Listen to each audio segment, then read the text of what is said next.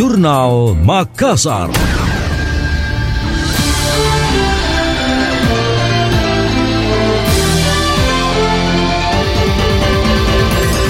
Pemerintah Kota Makassar mengalokasikan anggaran sebesar 70 miliar rupiah untuk membangun Makassar Economic Virtual Center atau Marvek.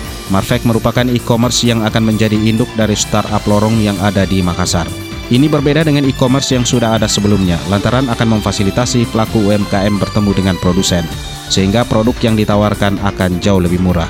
Wali Kota Makassar Rani Pomanto menjelaskan produk UMKM yang telah diinkubasi lewat inkubator center akan dipromosikan lewat Marvek.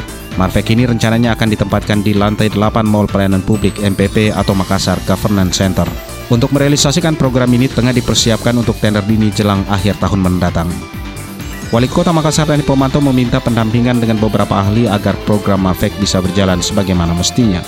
NPP akan berdiri di atas lahan Pemkot Makassar tepat di samping Taman Macan. Sehingga selain ada mall pelayanan publik, ada juga mall investasi, mall inovasi, dan mall UMKM. Otoritas Jasa Keuangan OJK mengukur indeks literasi dan inklusi keuangan masyarakat. Dengan menggelar Survei Nasional Literasi dan Inklusi Keuangan atau SNLIK tahun 2022, berlangsung mulai Juli hingga September 2022 di 34 provinsi. Jumlah responden sebanyak 14.634 orang berusia antara 15 sampai 79 tahun. Direktur Humas OJK Darmansyah mengatakan hasil SNLIK 2022 menunjukkan indeks literasi keuangan masyarakat Indonesia sebesar 49,68 persen naik dibanding tahun 2019 yang hanya 38,03 persen. Sementara indeks inklusi keuangan tahun ini mencapai 85,10 persen.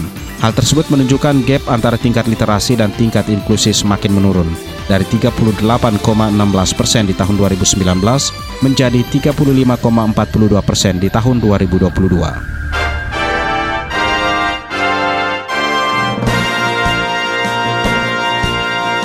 Demikian tadi, Jurnal Makassar.